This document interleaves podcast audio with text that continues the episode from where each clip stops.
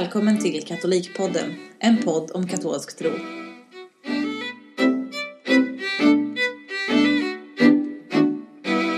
Hej och välkomna till dagens avsnitt av Katolikpodden. Vi som pratar här idag är jag, Alexander. Och jag, Claudia. Och vi ska idag prata om mitt favoritämne, nämligen kyrkomusik.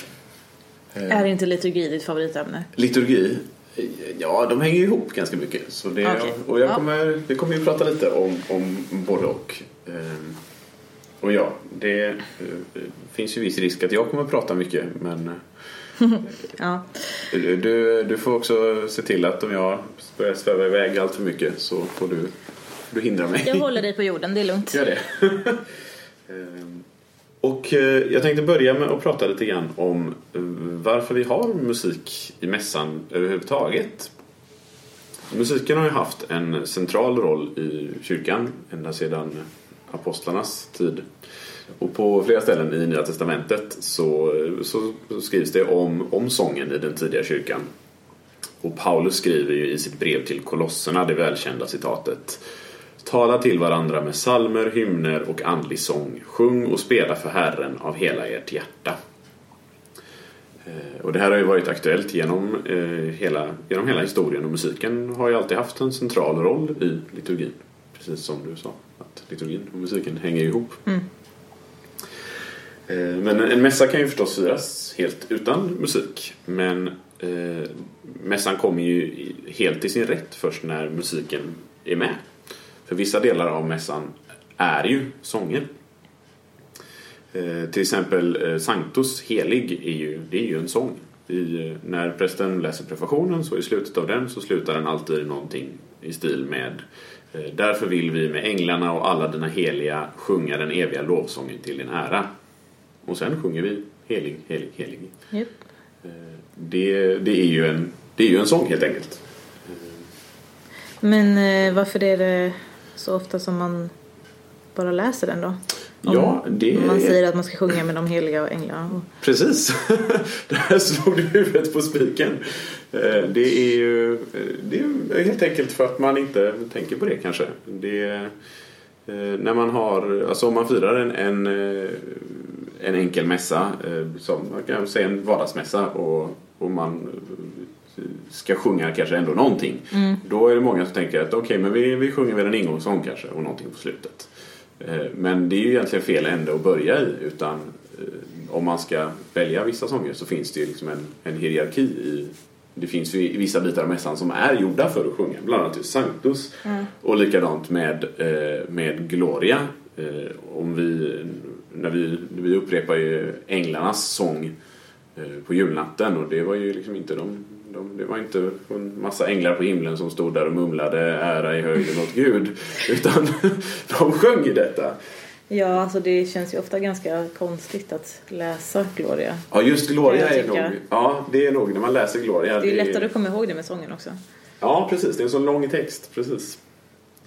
Eh, nej men och, och eh, också eh, Halleluja är ju en, en sån bit i mässan som också ska sjungas. Halleluja är alltså det är ett, ett lovprisande rop. Det är prisa ja, alltså Jave, Gud.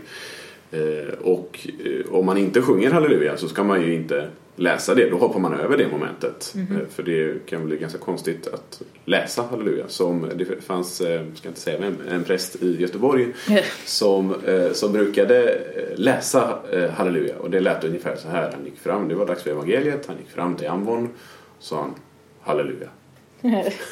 Vilken glädje va? Eller hur? Man bara kände hur, hur hela församlingen prisade Gud. Halleluja. Halleluja. Ehm, det är är kan- ironiskt nästan. Ja, eller lite. Ja, halleluja. det är klart att man kan säga halleluja och göra det glatt också. Men det, det, är, in, det är liksom ett... Det är gjort för att sjungas.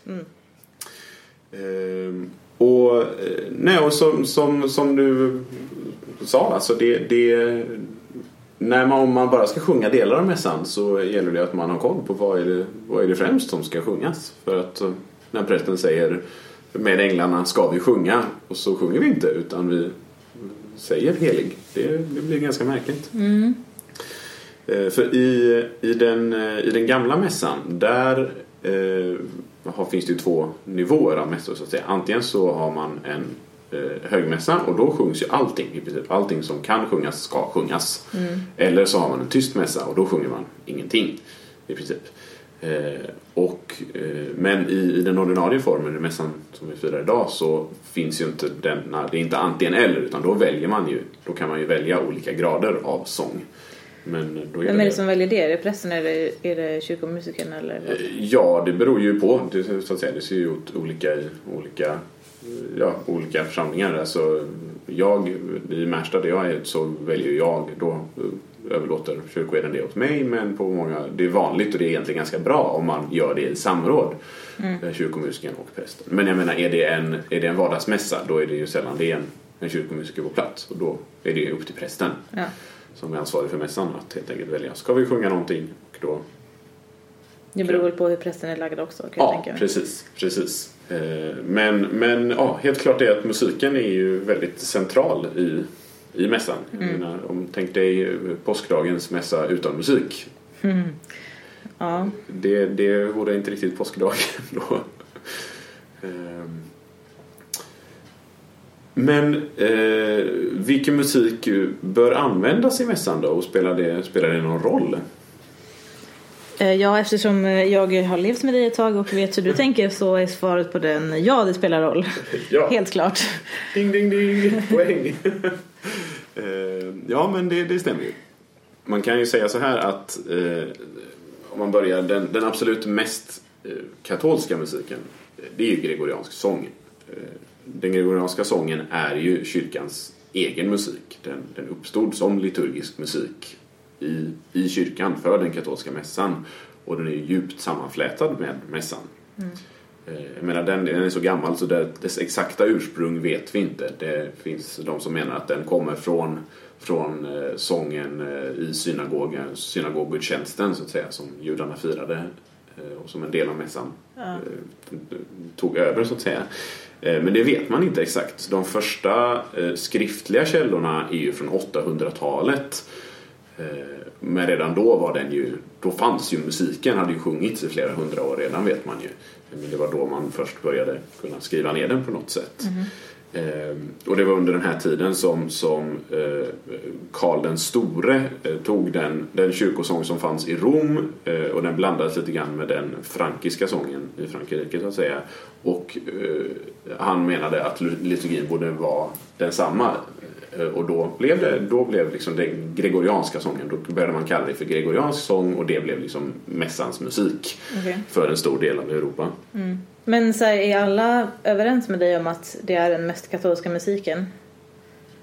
Ja, alltså det är ju ingen tvekan om att eh, den gregorianska sången är eh, hör ihop med liturgin. Det är ju ingenting som jag tycker att, ja, vad ska vi sjunga? Vi väljer nog gregoriansk musik. Utan gregoriansk musik kommer ju från mässan. Så det är inte liksom- bara din favoritgenre? Nej, absolut inte. Det har ingenting med det att göra. Nej. Eh, Jag tycker väldigt mycket om gregoriansk musik. Men det är ju, den, den finns liksom inte någon annanstans. Den har ingen annan användning. Ja, förutom, ja, de senaste, de senaste årtiondena har den fått liksom lite ko- konsertant. Eh, Det har blivit populärt i en del att sjunga den konsertant och ge konserter. Och på 90-talet var det ju lite populärt. Det fanns ju, vad hette de? Enigma eller någonting. Som Rätt. så här gjorde de tog så här eh, gregoriansk sång och så lite så här coola beats till typ. Eh, det, fanns, det fanns lite sånt. Ja, ja. Men, men det är ju verkligen en, då har man ju verkligen tagit den ur sitt sammanhang. Ja. Utan dess, den gregorianska sångens sammanhang är ju mässan. Japp. Så det är ju otvivelaktigt den, liksom, det är katolsk musik i sitt esse.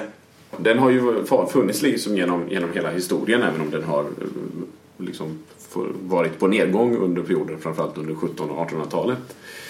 Ehm, Men än idag så, så är den officiellt, eller i alla fall ska vara, den, den främsta musiken i kyrkan. Ehm, Andra Vatikankonciliet fastställde ju att den ska ha den främsta platsen bland likar.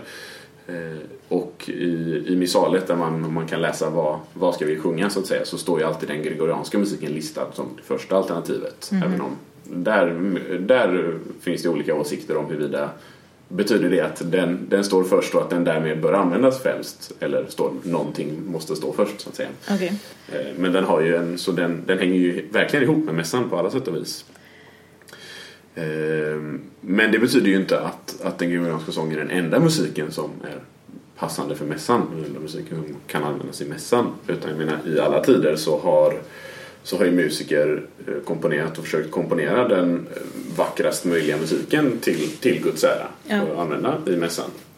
Och det finns ju fantastisk kyrkomusik eh, från, över, ja, från alla epoker så att säga. Från det att man från att den gregorianska sången utvecklades eh, till flerstämmighet eh, började lite försiktigt redan på 1000-talet men och sen genom hela under medeltiden och framåt eh, och fram till idag. Vill du säga något? Ja, men jag tänkte att nu börjar vi flowa runt lite grann. Jag tänkte, funderar på om vi kanske kan gå lite, kon- lite konkret, typ vad ska vi inte Ja. ha för musik i kyrkan? Ja, det, det, kan man, det kan man också säga precis. För vad, men det är, ja, det är tråkigt att bara prata om vad man inte får göra. Det, Vi kan väl börja där. Säg, vad vi, där, ja. säg några eh, absoluta eh, nej och eh, ja, alltså ja, det, Game of Thrones, eh, eh, vad heter det, temat till en konfirmation som du blev ombedd om en gång. Precis, det, var, det här var ju då i Svenska kyrkan och inte i katolska kyrkan så blev jag eh, ombedd om att spela eh, ja, eh, intromusiken till Game of Thrones på en konfirmation. Eh, och det kan man ju ha väldigt mycket synpunkter om. Eh, inte minst för att eh, Game of Thrones är en serie som handlar om eh, saker som inte är så lämpliga för mässan. Om eh, eh ond, bråd död och hemskhet och eh, massa sex och det ena och det andra. Och det är kanske inte riktigt de associationerna vi vill ha i mässan. Eh, Nej, men helt enkelt, även om det hade varit liksom någon annan tv-serie så är det egentligen så är det också olämplig musik. men det att har ju ingenting med mässan att göra överhuvudtaget. Nej, precis. Det är ju profan musik. Det är inte sakral musik. Det är inte kyrkomusik. Alltså, den är inte, det är inte sämre musik för den delen. Den är bara inte passande för mässan. Mm. Var sak har ju sin plats.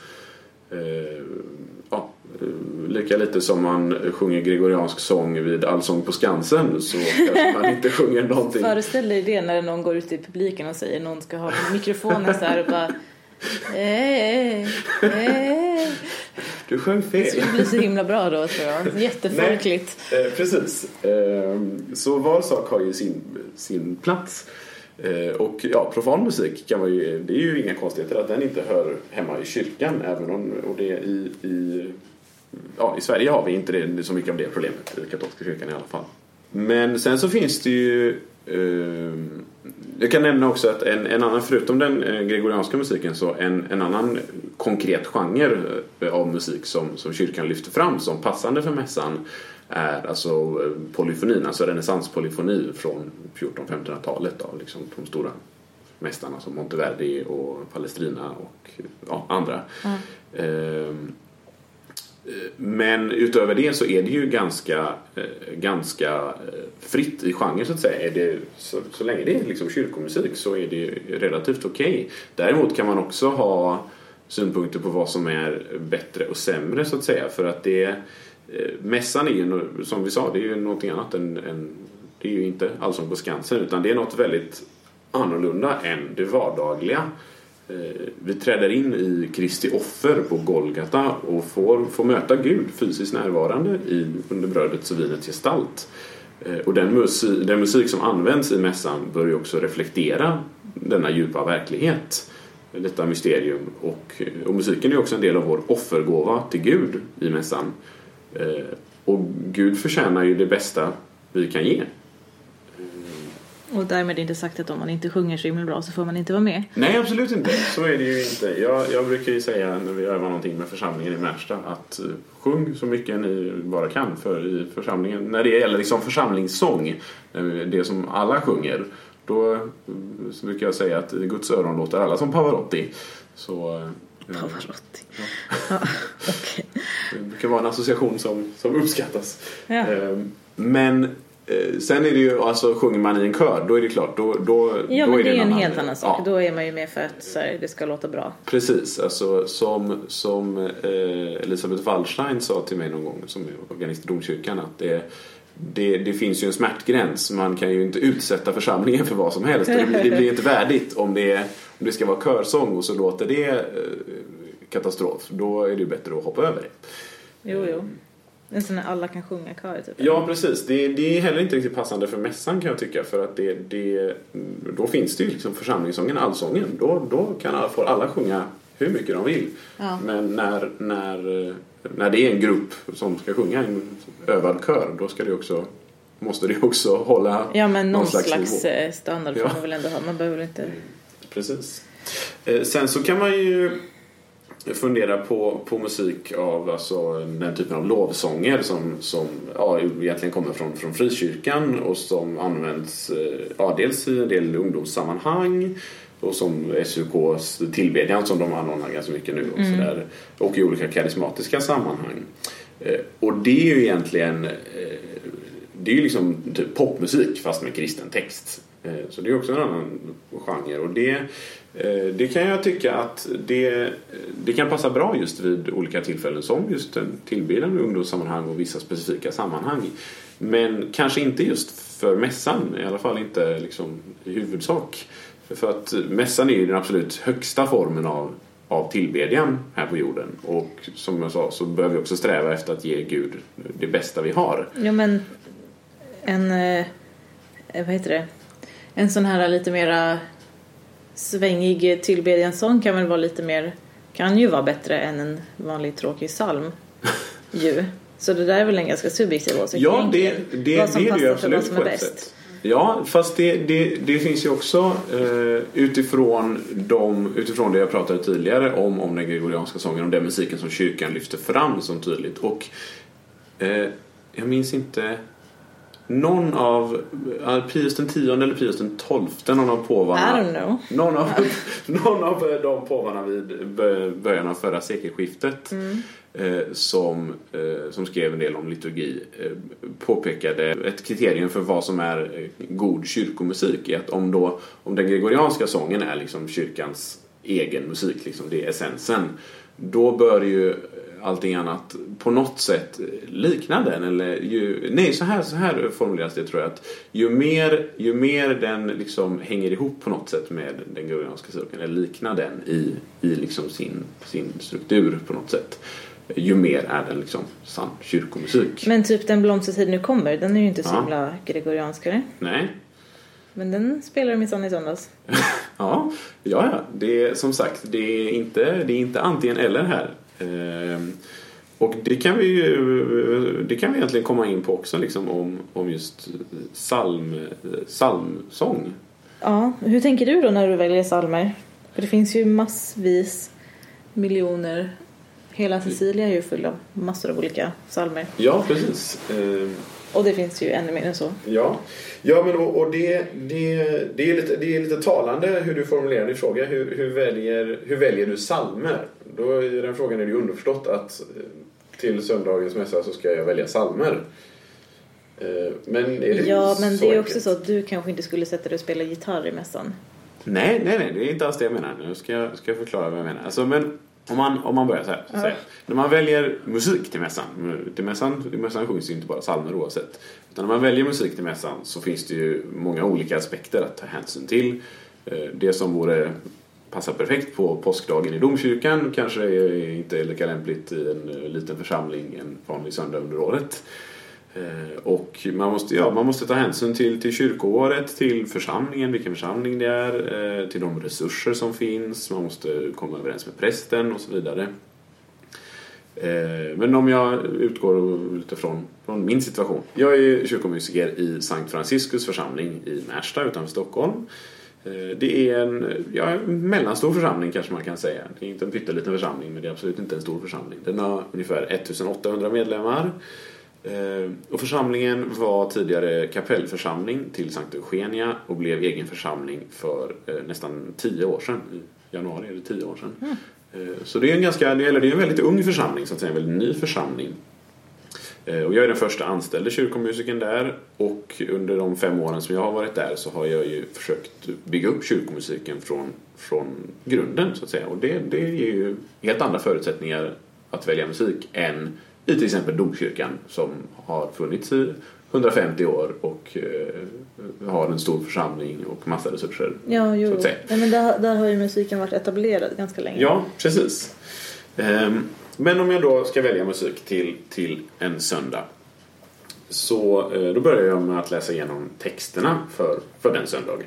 Så att säga. Ja. Del, dels läsningarna, men inte bara läsningarna. Utan också liksom de böner som prästen läser som, är, som är för varje söndag. Eh, men också eh, ingångsantifonen och kommunionantifonen. De texterna som ju hänger ihop med musiken. Just det. Eh, för man eh, tänker ju ibland att det, det behöver inte vara så komplicerat att välja musik utan vi... Eh, Man tar det som är bra. ja, eller man tar det precis. Man läser igenom läsningarna och så hittar man en psalm som passar ungefär till evangeliet eller så. Eller till, Ja. ja. till vad det nu är för högtid. Ja. Men jag menar att det inte riktigt är så enkelt. Utan det finns ju det finns ju eh, så att säga fasta läsningar och böner för varje söndag högtid. Eh, Och eh, ja, det mesta är ju, är ju detsamma och en del saker finns, kan prästen välja mellan några olika alternativ. Men när det gäller musiken, ska det då vara Ska det vara helt valfritt upp till, upp till den enskilde kyrkomusikern eller prästen? Det finns ju en inbyggd godtycklighet i det. Som, som kan vara, som det finns en viss risk i så att säga. Så det, eh, det, jag menar den musik som används påverkar ju väldigt mycket hur, hur helheten blir.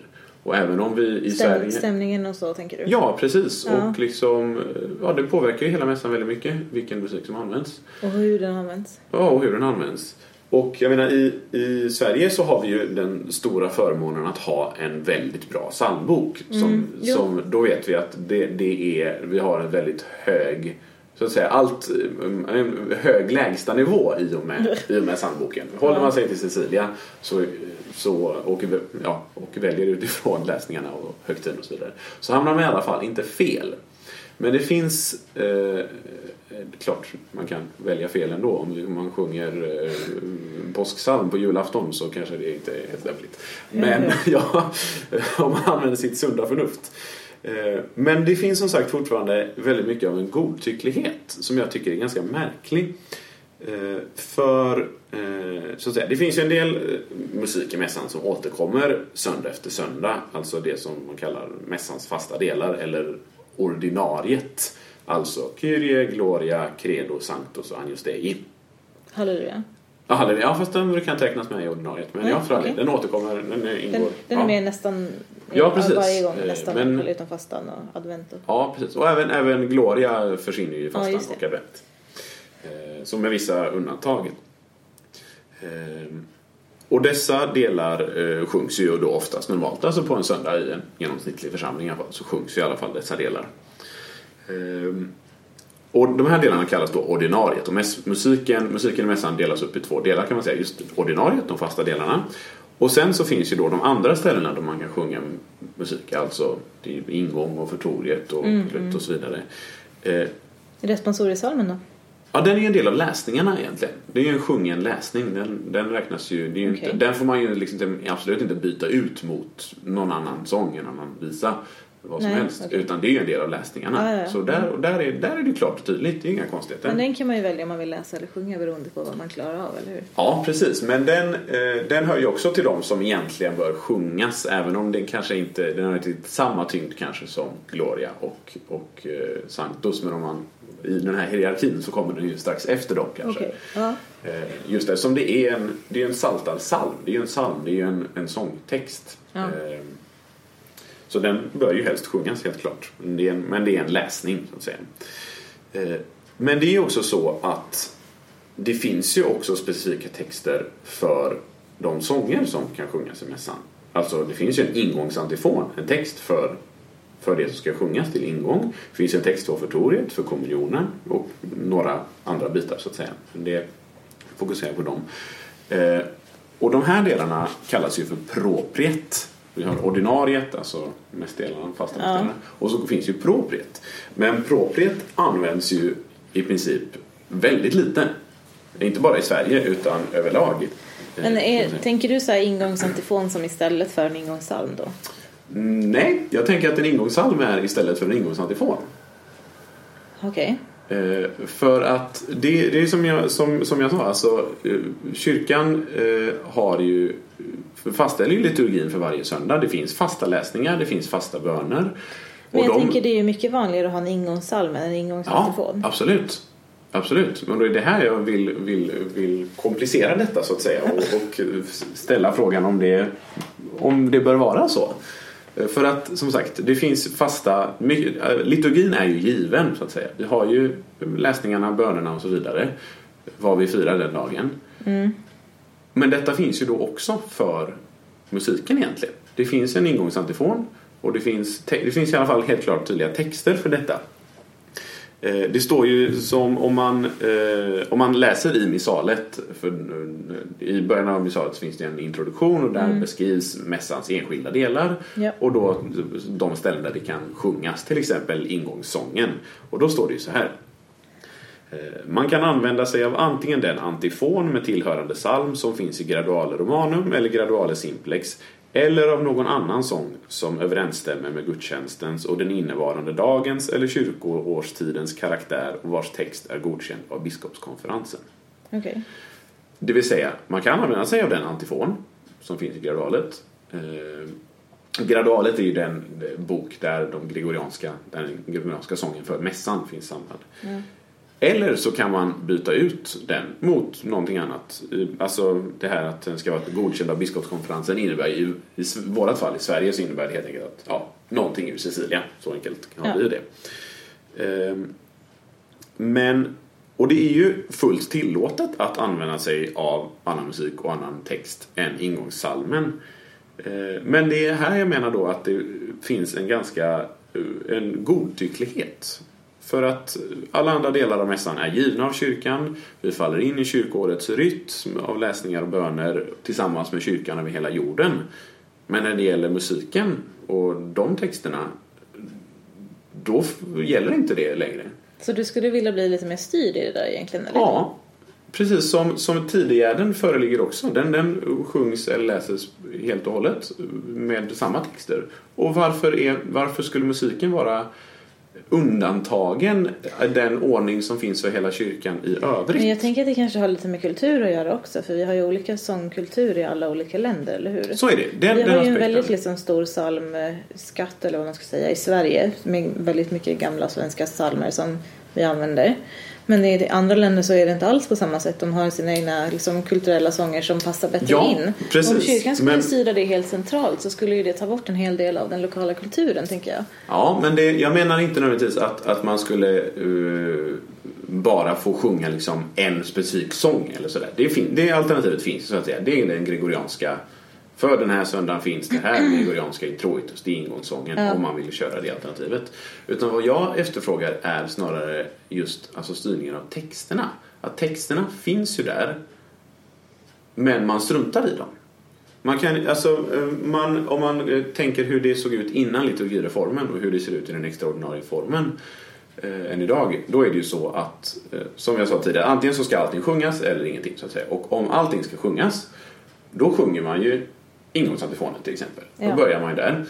Ehm, och ja, vanligaste nog är nog att man använder sig av den gregorianska sången. Men man kan ju också använda, sjunga någonting helt annat. Man kan ju sjunga ingångsantifonens text på en annan tonsättning.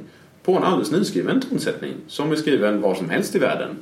Men eh, finns det sådana grejer att tillgå då? Det är det som är problemet och det är det som är en av de, eh, en av de liksom stora det är ett stort problem som uppstod i och med liturgireformen och att man övergick till folkspråk eh, i den utsträckning så att säga. Alltså, man, det, folkspråket eh, tilläts ju i och med liturgireformen och konciliet men eh, konciliefäderna trodde ju inte, det finns ju en, en historia om att eh, eh någon, eh, någon tog upp frågan, ja ah, men är det verkligen bra att öppna upp för folkspråket? Eh, tänk om latinet försvinner? Och då skrattade allihopa. Ja, för att det var en ja. så absurd tanke.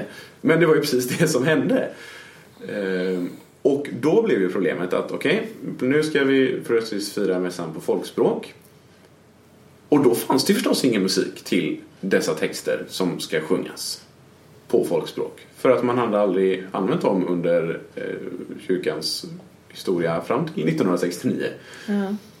Eh, och det följer ju väldigt olika i olika, i olika, i olika länder. På en del, en del länder så fanns det en psalmtradition som hängde ihop med om när man firade den eh, eh tysta mässan och den lästa mässan. Då kunde man ju parallellt lite grann sjunga psalmer och det kunde spelas orgelmusik.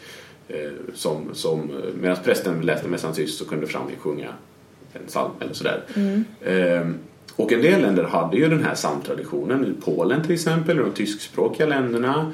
Alltså man eh, kör en liten eh, grej bredvid nästan. Ja, precis. Och det är visserligen också ett bruk som, som fördömdes egentligen av i början på 1900-talet och man verkligen menade, och det ledde fram till liturgireformen att, att man menade att det här inte var bra, att liksom församlingen sysslade med någonting annat än det prästen höll på med. Men det var väl lite det man var ute efter också när man ville ta det till folkspråket, att folk skulle liksom kunna delta och förstå mycket mer. Precis. Men, Men eh, jag tänker att vi kommer väldigt in på så här väldigt kyrkomusiska liturgiska detaljer nu. Ja, ja men eh, jag tycker det är, jag tycker det är viktigt just att, att förstå liksom var man kommer ifrån och var vi har hamnat idag med, med just val av musik. Ja, För att som sagt, alltså, i en del länder så fanns den här psalmtraditionen och i en del länder så fanns det ju ingenting. Liksom I södra Europa, i Italien och Spanien till exempel, där fanns det ingen psalmtradition. Där fanns det ingen församlingssång på folkspråk.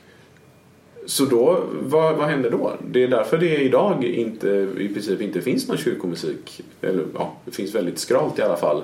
I till exempel Italien. I en vanlig församlingskyrka så finns det ingenting. För man, det fanns ingenting att, så att säga, falla tillbaka på när man började fira mässan på folkspråket. Och det, ja, var det, man tog fram det som det man kunde liksom och det blev enklare visor eller liksom vad som helst. Men all den kyrkomusikaliska tradition som finns i kyrkan, vad händer med den? Att säga? Och i Sverige, här är ju situationen lite speciell så att säga. Du nämnde ju att det finns en psalmtradition även här. Men det är inte så mycket av katolsk tradition. Det finns även, det finns ju några enstaka psalmer som är från den tiden då Sverige fortfarande var katolskt. Eh, men en stor del av de psalmer som vi sjunger idag eh, har ju något annat ursprung. De är ju från Svenska kyrkan eller frikyrkorna eller andra, från andra samfund. Och de, det var ju väldigt bra att de fanns och att de, det fanns någonting att Ja, för nu har vi ju väldigt mycket att ösa ur och jag kan ju tycka att så här, det gör väl ingenting om det kommer från Svenska kyrkan. Nej, alltså inte, inte, det, inte, det vänder jag mig inte emot så att säga så sätt. Men frågan är var, var tog kyrkans, eh, det som är givet av kyrkan vägen? Kör du en liten så här, eh, argumentationskampanj här just nu för att man ska använda mycket mer gregorianik och... Nej, jag menar inte att man ska använda mer gregorianik överhuvudtaget. Det är inte alls det som min poäng är. Utan min poäng är just detta kring propriet. De texter som är givna av, av kyrkan. Alltså precis som, som söndagens läsningar och böner de hänger ihop med den söndagen av en anledning. De finns ju där av en anledning. De för oss djupare in i mässans mysterium på olika sätt. Och på samma sätt så är ju propriets texter också till det här av en anledning. Mm. Det är som att vi bara skulle strunta i, äh, vi tar en annan första läsning. Vi läser en, eh, ja, vi läser en fin uh, kyrklig dikt istället. Det skulle vi ju aldrig få för oss att göra. Så varför Nej. får vi då för oss att byta ut eh, de andra texterna? Ja, men just för att det är... Egentligen helt enkelt för att vi inte har dem. Att de, inte, de finns inte tonsatta. Och det var ju ett, en, det är en stor, alltså man, man snuvar ju människor på en del av liturgin skulle jag säga. Eh, och som tur är så de senaste liksom, 20 åren och mer kanske så har det ju börjat tonsättas en del. I den engelskspråkiga världen till exempel så finns det numera ganska mycket just av propriet. Det går att sjunga de texter som är föreskrivna för söndagar och högtider. Och på svenska finns det lite grann också. Eh, jag sjunger ju till exempel kommunionantifoner på svenska ganska mycket. Eh, Kommunionantifonen sjunger jag ju alltid, för den kan man ju alltid sjunga. Även om det ska vara något annat som sjungs eller spelas så kan man alltid sjunga kommunionantifonen, om bara så på en psalmton. Eh, för det är också en text som hör till mässan och den bör man inte, man bör inte ta ifrån folk det. Folk förtjänar att få, få vara med om hela mässan. Eh, och det är just detta användande av propriet som jag tycker är väldigt synd att det har försvunnit. Jag, eh, jag har ju också tonsatt några eh, ingångsantifoner för församlingssång så att säga. Men jag har inte, senaste året har jag inte haft tid med det. Eh, men det, det, så jag menar att det är, jag, hade, jag förespråkar mer användning av de texter som finns för söndagarna och högtiderna. Och, inte ett, ett, och mindre av den godtycklighet som innebär, som kommer av att man bara väljer salmer och ersätter. För vad man gör är ju man ersätter. Man ersätter ju ingångsantifonen och kommunionantifonen och förtorieantifonen och så vidare med något annat. Det är inte så att det bara existerar ett vakuum och så fyller man det med en salv. Utan man ersätter ju det. Man ersätter ju det som finns. Det som är, för, det som är givet av kyrkan. Och det tycker jag är väldigt synd. Detta var en lång utläggning om, om propriet. Ja, jag försökte stoppa dig men... eh, Det fick du inte. There was no stopping you. Nej. Nej. Ehm, Men frågan var hur jag väljer salmer eller hur jag väljer musiken med psalm. Men ja, så allt detta har jag med. Så om jag väljer, om jag väljer en, till exempel ingångssången så försöker jag ju, jag sjunger ju ganska sällan den gregorianska introitus så att säga. Ja. Eh, Men jag försöker alltid se, ta hänsyn till ingångsantifonen. Går det att sjunga den? Eh, Till exempel så, eh, jag menar de finns ju, de finns ju att läsa för alla i, i Sicilia, i den, där i den andra gråa fältet. Där, där står ju liksom eh, läsningarna och bönerna och antifonerna för mässan. Eh, Och ofta, eller ja, ofta, ibland så kan man ju sjunga dem, för de texterna är nästan alltid hämtade från Saltaren. Och då går det ibland att sjunga det som är alltså Saltasalms omkväden, till exempel som ingångssång.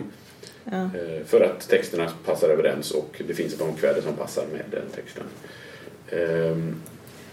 Så eh, min poäng med hur jag väljer musik är helt enkelt att jag försöker att vara trogen de texter som finns och välja mindre godtyckligt. Inte, inte bara välja en psalm för att jag tycker den är snygg eller för att du tycker att den är fin. Du får ibland tycka till att kan vi inte sjunga den här nästa sen? Säger jag.